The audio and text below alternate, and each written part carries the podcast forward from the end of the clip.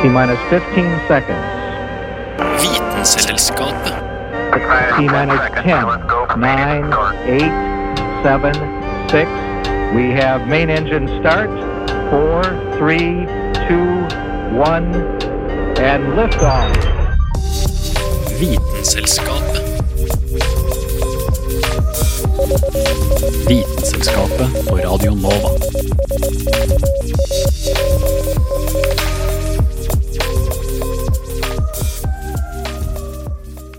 Hei, det er meg. Kristin. Ja, hei. Hei, jeg bare ringer fra Radio Nova. Hei. Jeg bare lurer på om du kunne gjøre meg en tjeneste. Ja. Ja, ok. Jeg bare lurer på om du kan spille inn uh, noe lyd for meg. Spille inn noe lyd for deg? Ja, uh, Vitenskapet eh, Vi har tema pappaer. Ja. Eh, og det er Hanne, din yngste datter, som er programleder, så kanskje først sende en liten hilsen til henne. Hei, hei, hei. Hei, hei, pappa. Og hei, hei til dere andre lyttere der ute. Velkommen til Vitenselskapet. I dag så handler sendinga, som allerede introdusert av Kristin, min fars eh, eldste datter, om pappaer. Pappaer har eksistert så lenge vi mennesker har eksistert. Men hva er det som avgjør at én mann blir pappa, og en annen ikke? Hva kan vi arve av pappaene våre, genetisk sett? Og hvordan er egentlig dyrepappaer? Mitt navn er eh, Hanne Grydeland, og i dagens sending av eh, Vitenselskapet vil dere møte noen av Vitenselskapet-medlemmenes eh, pappaer. Vi kjører pappasending! Vitenselskapet. Vitenselskapet på Radio Nova.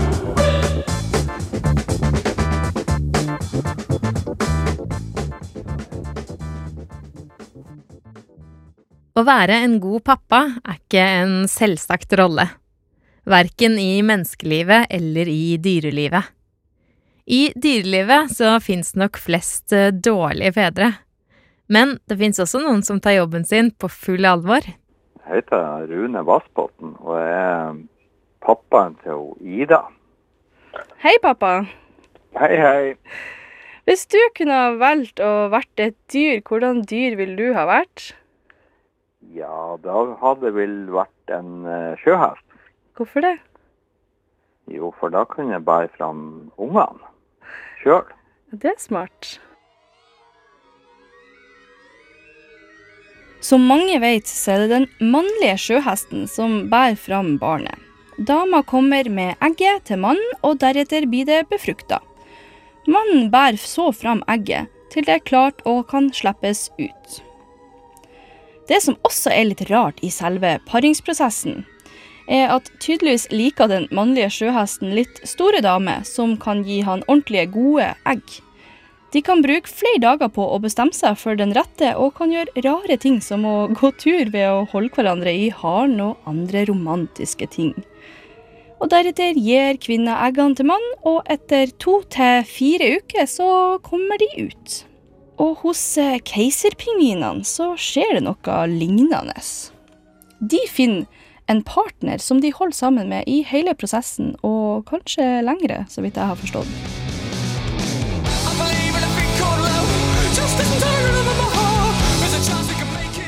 Damepingvinen legger et egg på den kaldeste tida av året. Deretter drar hun til sjøs og spiser seg opp igjen etter svangerskapet. På denne tida er det mannepingvinen som må passe på, og rugetida kan vare i 120 dager. Og han spiser ingenting på hele denne tida, og kan faktisk miste 50% av kroppsvekta. Men der igjen så kommer dama tilbake, og mannen gjør det samme og er ute i ca. en måned og spiser opp igjen. Så dette kan jo egentlig tenkes som et eh, veldig godt samarbeid.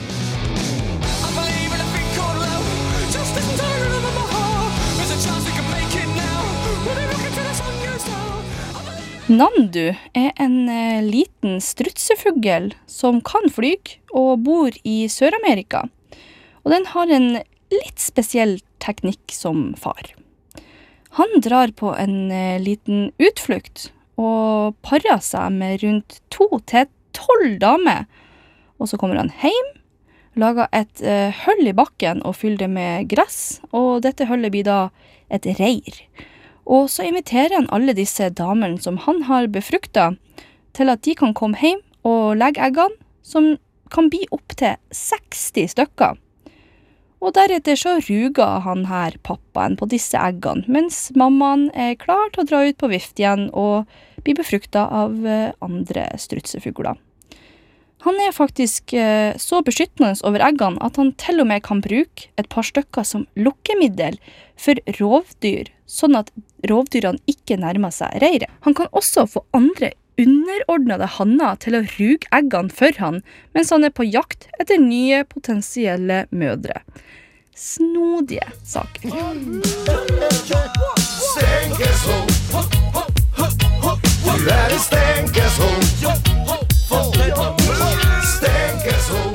Og det var Ida Katrine Vassbotn som fortalte oss om et knippe gode fedre. Visst, visst, visst, visst, visste du at? Visste du at? Visste du at de lengstlevende cellene i kroppen er hjerneceller? Kroppen kan lage nye hjerneceller, men siden de fleste av dem lever et helt menneskeliv, har du mange av dem fra du er født til du dør. Det som gjør hjernen så kompleks, er ikke bare antallet hjerneceller, men antallet kontakter mellom hjernecellene. Disse kalles synapser, og det er omtrent 100 trillioner av dem i hjernen.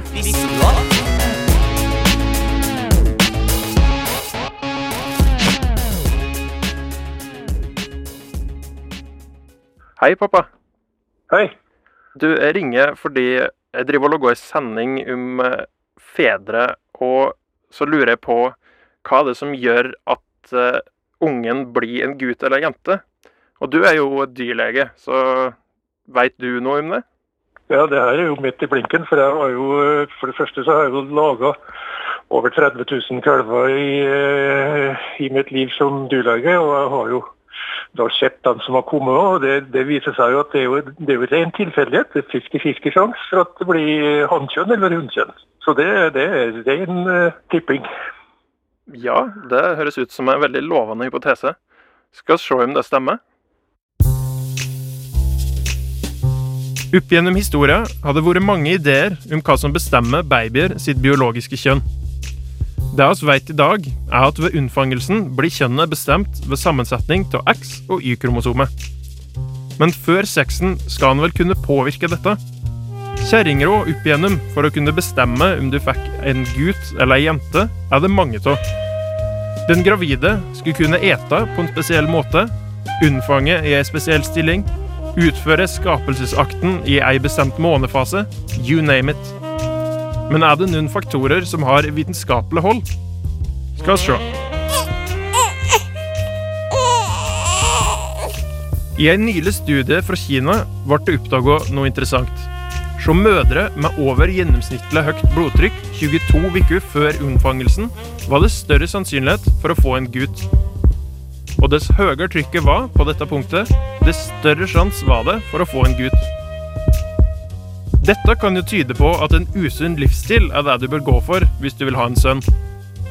Men det er dessverre ikke bevisst noe årsakssammenheng, så den planen går nok i vasken. Korrelasjon er ikke kausalitet og sånn der.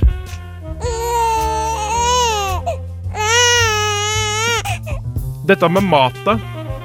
Ei studie publisert i 2008 sa at dess høyere energiinntak ei kommende mor hadde rundt fosterdanninga, dess større sjanse var det for å få en gutt. Pøs på med mat, ble det sagt, så skulle du få en gutt så frisk og rein og god. Dette fenomenet forklarte òg hvorfor det blir flere jentebabyer i Vesten etter hvert som tida går. Slanking har jo vært veldig i vinden de siste 50 årene. Imidlertid har det i ettertid kommet studier med motsatt konklusjon, så det er langt ifra sikkert at matinntak har sammenheng med babykjønn. Far sitt familietre ser ut til å ha ei innvirkning på om det blir en gutt eller ei jente, skal en tro Newcastle University. Ei studie utført her så på familiehistorikken til rundt 1000 familier, helt tilbake til 1600. Dette innebar at en halv million folk var i datasettet. Funnet var at sannsynligheten for å få et bestemt kjønn på ungen blir nedarva fra foreldre til sønn. Det er derfor sånn at en fyr med mange brødre vil ha større sjanse for å få en sønn, mens en fyr med mange søstre har det motsatt. Det ser dårlig ut for å kunne kontrollere hva slags baby du får. Det fins et par høyteknologiske metoder som involverer sæd og fostersortering, men etikken her er høgst uavklart. Om du før er framtidig far eller ei framtidig mor, er opp til sjansen. Får du ikke sønnen du ønsker deg, kan du alltids prøve på nytt. Og på nytt. Og går det ikke, kanskje si deg fornøyd med det. Det er jo for faen 2017.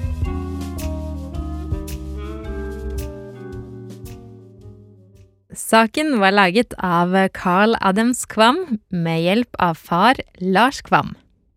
There's hydrogen and helium, then lithium, beryllium, boron, carbon everywhere, nitrogen all through the air with oxygen so you can breathe. Du hører på Vitenselskapet på Radio Nova. Magnesium, aluminium, silicon, phosphorus, then sulfur, chlorine, then argon, potassium, and calcium so you'll grow strong. Scandium, titanium, vanadium, and chromium, and manganese. Hei, dette er pappaen til Kristin. Hun kommer ikke til å arve så mye ved meg. Og forhåpentligvis heller ingen genetiske sykdommer. For sannsynligheten for arve genetiske sykdommer kan variere ut ifra det er mor eller far som er syke, eller verre. Det er 1865, og augustinermunken Mendel er ute i hagen, som han ofte er. Han steller med erteplantene sine, men i motsetning til erteplanter flest kommer disse til å få en historisk innvirkning på menneskehetens kunnskap om seg selv. Det Mendel oppdager, er nemlig at ertene kan arve egenskaper fra hverandre, men at noen egenskaper er mer sannsynlig å arve enn andre. Han hadde funnet kimen til det vi i dag kjenner som dominante og recessive gen, og som har formet vår forståelse av hvordan vi arver fysiske trekk, egenskaper og sykdommer. Mendel regnes som arvelærens far, og teorien hans brukes den dag i dag, bl.a. i forskningen på genetiske sykdommer. Hvis vi kjenner arvegangen til en sykdom, f.eks. om sykdommen er dominant eller recessiv, kan vi regne ut sannsynligheten for at barna arver den. Du husker kanskje det skjemaet med dominante og recessive trekk som man hadde om på skolen, hvor man blant annet skulle finne ut hvor sannsynlig det var om man fikk brune eller blå øyne, osv. I en del tilfeller kan man overføre dette skjemaet på sykdommer også, selvfølgelig om man vet om sykdommen er dominant eller recessiv, og om foreldre er bærere av sykdomsgenene. Men det finnes også noe som kalles kjønnsbundet arv. Det er nemlig noen sykdommer som er avhengige av om det er mor eller far som er syk, eller bærer av et sykdomsgen. Det er fordi noen ganger sitter risikoen for å bli syk på et av kjønnskromosomene. Eller for å være helt ærlig, det sitter nesten alltid på X-kromosomet. Vi kjenner nemlig til veldig få sykdommer som følger Y-kromosomet, eller pappakromosomet om man vil. Dette fører ironisk nok til at oftere er menn som arver sykdommer som er knytta til kjønnskromosomene, som f.eks. blødersykdom eller fargeblindhet. Som kjent har kvinner kjønnskromosomene XX, mens menn har XY. Det betyr at menn bare har én X, så hvis det er noe galt på den X-en, så er han ille ute. Kvinner har jo to, så de kan ofte klare seg selv om en av X-ene er feil, men eh, selv om de ikke nødvendigvis blir syke, blir de ofte bærere av genet. Siden de fleste kjønnsbundne sykdommene sitter på X-kromosomet, er det større sjanse for å arve en genetisk sykdom fra mamma enn fra pappa. Men eh, det er jo også større sjanse for at pappa har en av disse sykdommene, da, siden det er større sannsynlighet for at gutter får det. Men vi snakker jo om gener her, så selvfølgelig er det mye mer komplisert enn det jeg har fortalt om hittil. Det finnes nemlig også noe som heter genomisk imprinting. Kort sagt betyr det at genene får et slags avtrykk på seg som sier om de skal aktiviseres eller ikke, og denne imprintingen kan være forskjellig fra mor til far, dvs. Si at aktiviteten til genene avhenger av om de kommer fra en eggcelle eller en sædcelle. Vi vet fremdeles ikke hvor mange av menneskers gener som påvirkes av en slik innprinting, men vi vet at egenskaper og sykdommer knytta til slike innprintede gener ikke følger Mendels mønster.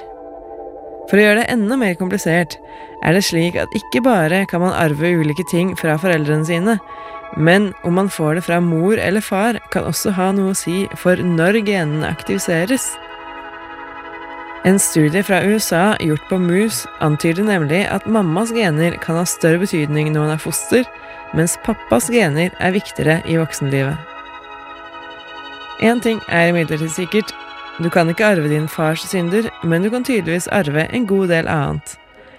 Og selv om vanlige arveoppgjør kanskje kan være kompliserte, er det ingenting mot genetikken.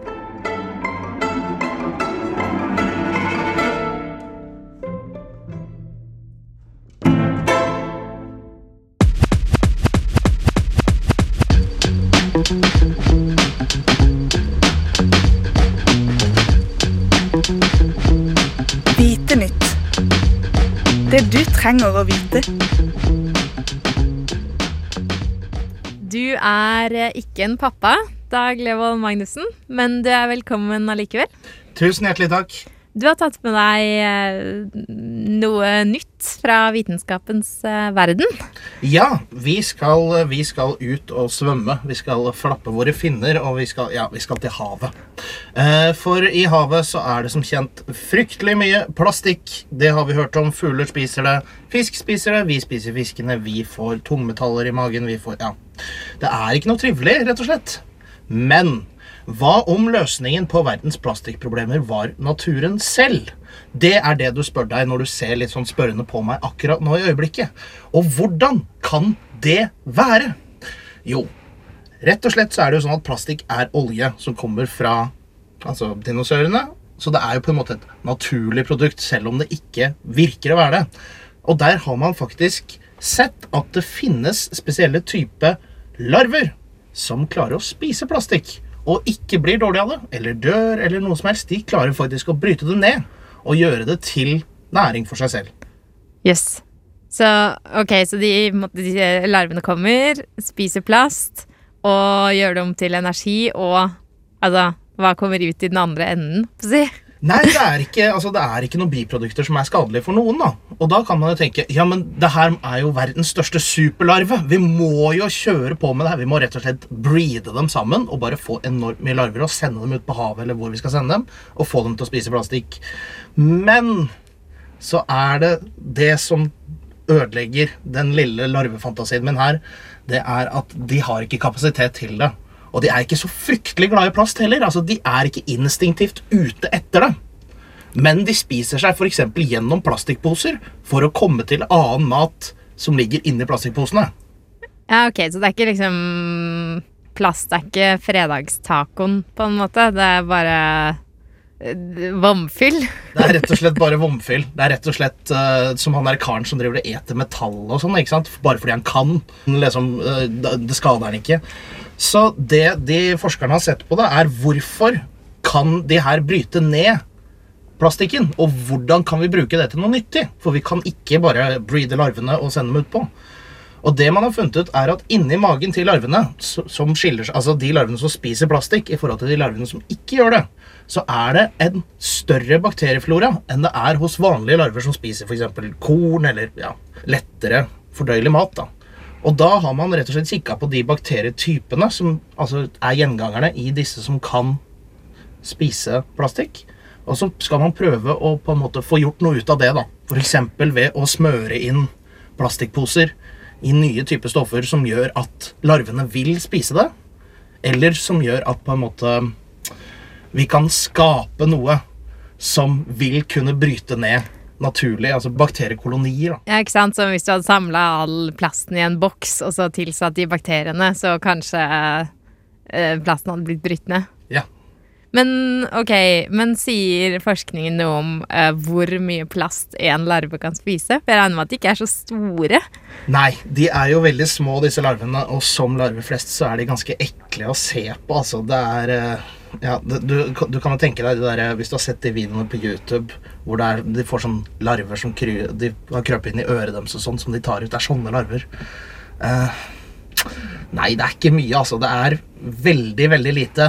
Men det er jo nok til at vi kan blåse det opp. Det er jo det altså All menneskelig historie og vitenskapelig framgang er jo at vi har tatt en liten ting og blåst det opp til å bli noe sånn kjempedigert.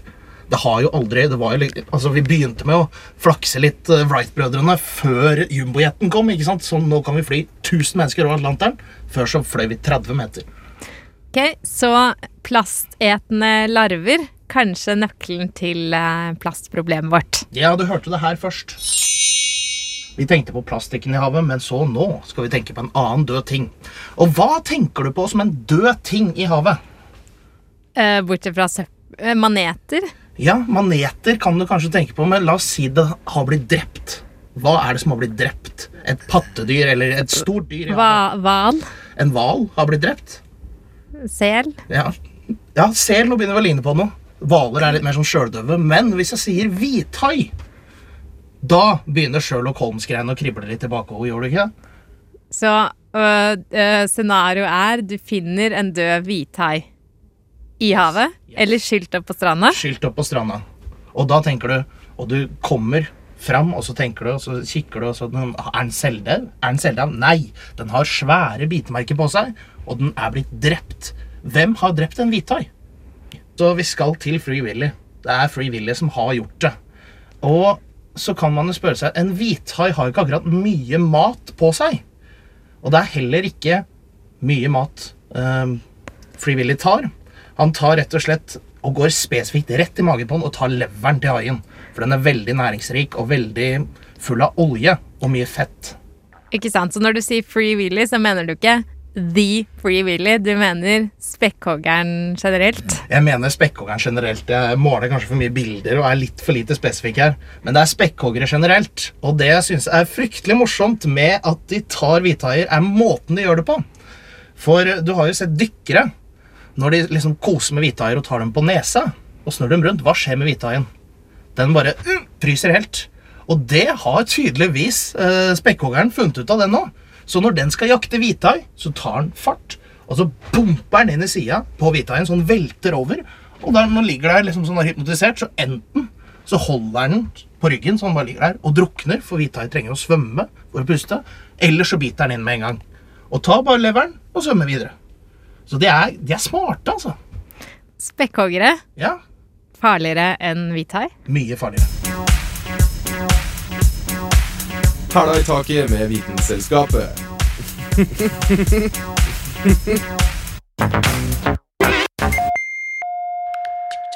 Hei, dette er Reidar, faren til Sunniva. Kjærlighet er mer enn forelskelse, sies det.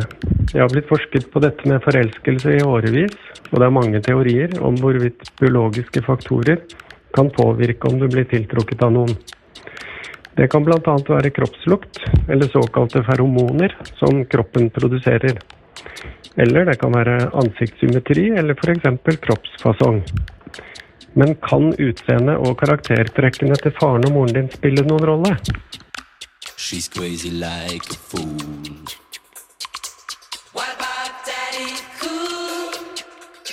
Har du sett et par romantiske komedier opp igjennom? Gå mye av det samme igjen. To helt ulike mennesker, kanskje hater de til og med hverandre, faller etter hvert plutselig for hverandre. Du vet, opposites attract, man utfyller hverandre, osv.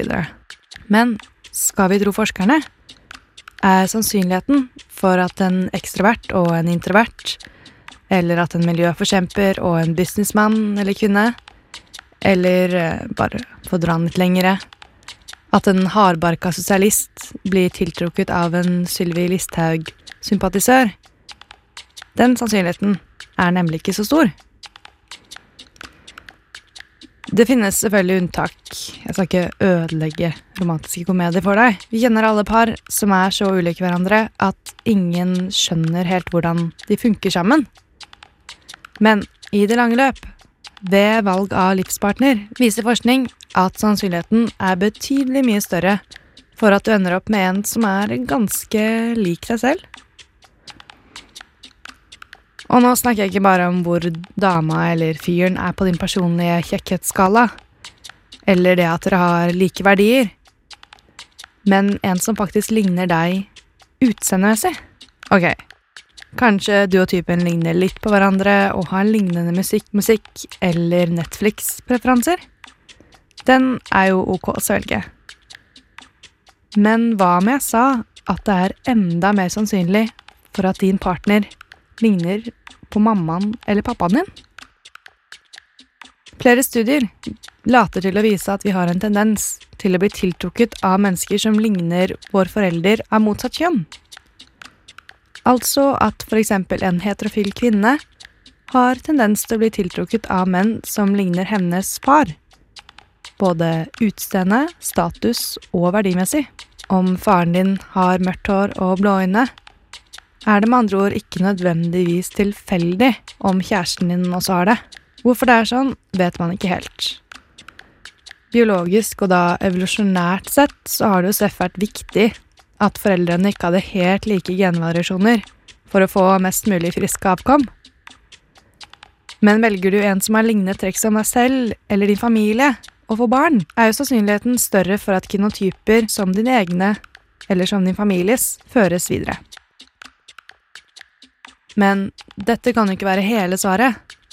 For andre studier har vist at også hos adopterte kvinner er sannsynligheten påfallende høy for at ansiktstrekkene til partneren ligner hennes adoptivfars.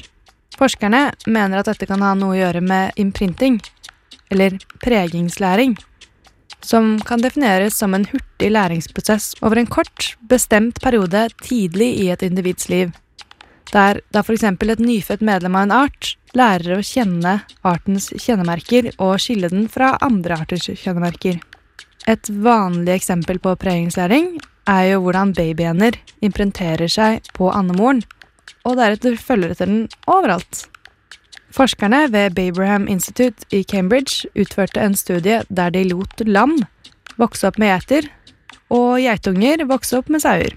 De oppdaget at lammene, som da vokste opp med geiter som mødre, foretrakk geiter som voksne, mens geiter oppdratt av sauer foretrakk sauer. Nå er jo ikke vi mennesker geiter og sauer eller andre lignende dyr, men at man kan se likhetstrekk til menneskers valg av partnere, er det ingen tvil om.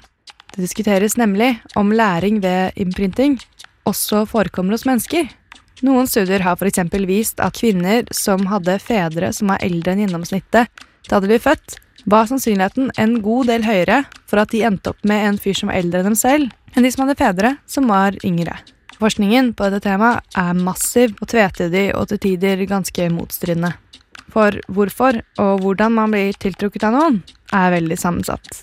Og annen, ikke så foreldre- eller arvfokusert forskning viser at både testosteronnivå, kroppslukt, menstruasjonssyklus hos kvinner og symmetrien, eller eh, mangelen på symmetrien, i ansiktet også kan spille en viktig rolle. Men sånn helt fornuftig sett så hersker det vel ingen tvil om at hvem og hvordan foreldrene våre er, selvfølgelig vil ha noe å si for hvem, hvordan og hvor vi ender opp.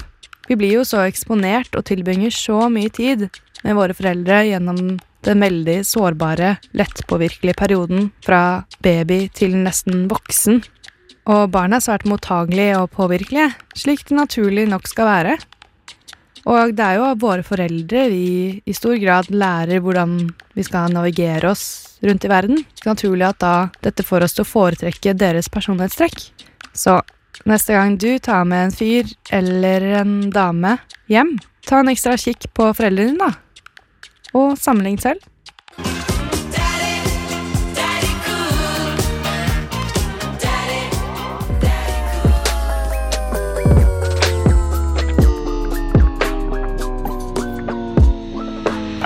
Vitenselskapet. Eh, du vet at du er nødt til å høre på Vitenskapet nå? Ja, det spørs jo når du sendes. seg. Du, eh, du kan jo høre på det hele tiden. Det går på podkast. Ok, ja. Ja. Så nå har du ingen unnskyld lenger? Nei. Nei. Ok, greit. Men det var eh, alt? Ja, det er alt. Yes, Ok. greit. Ha det bra. Ha det.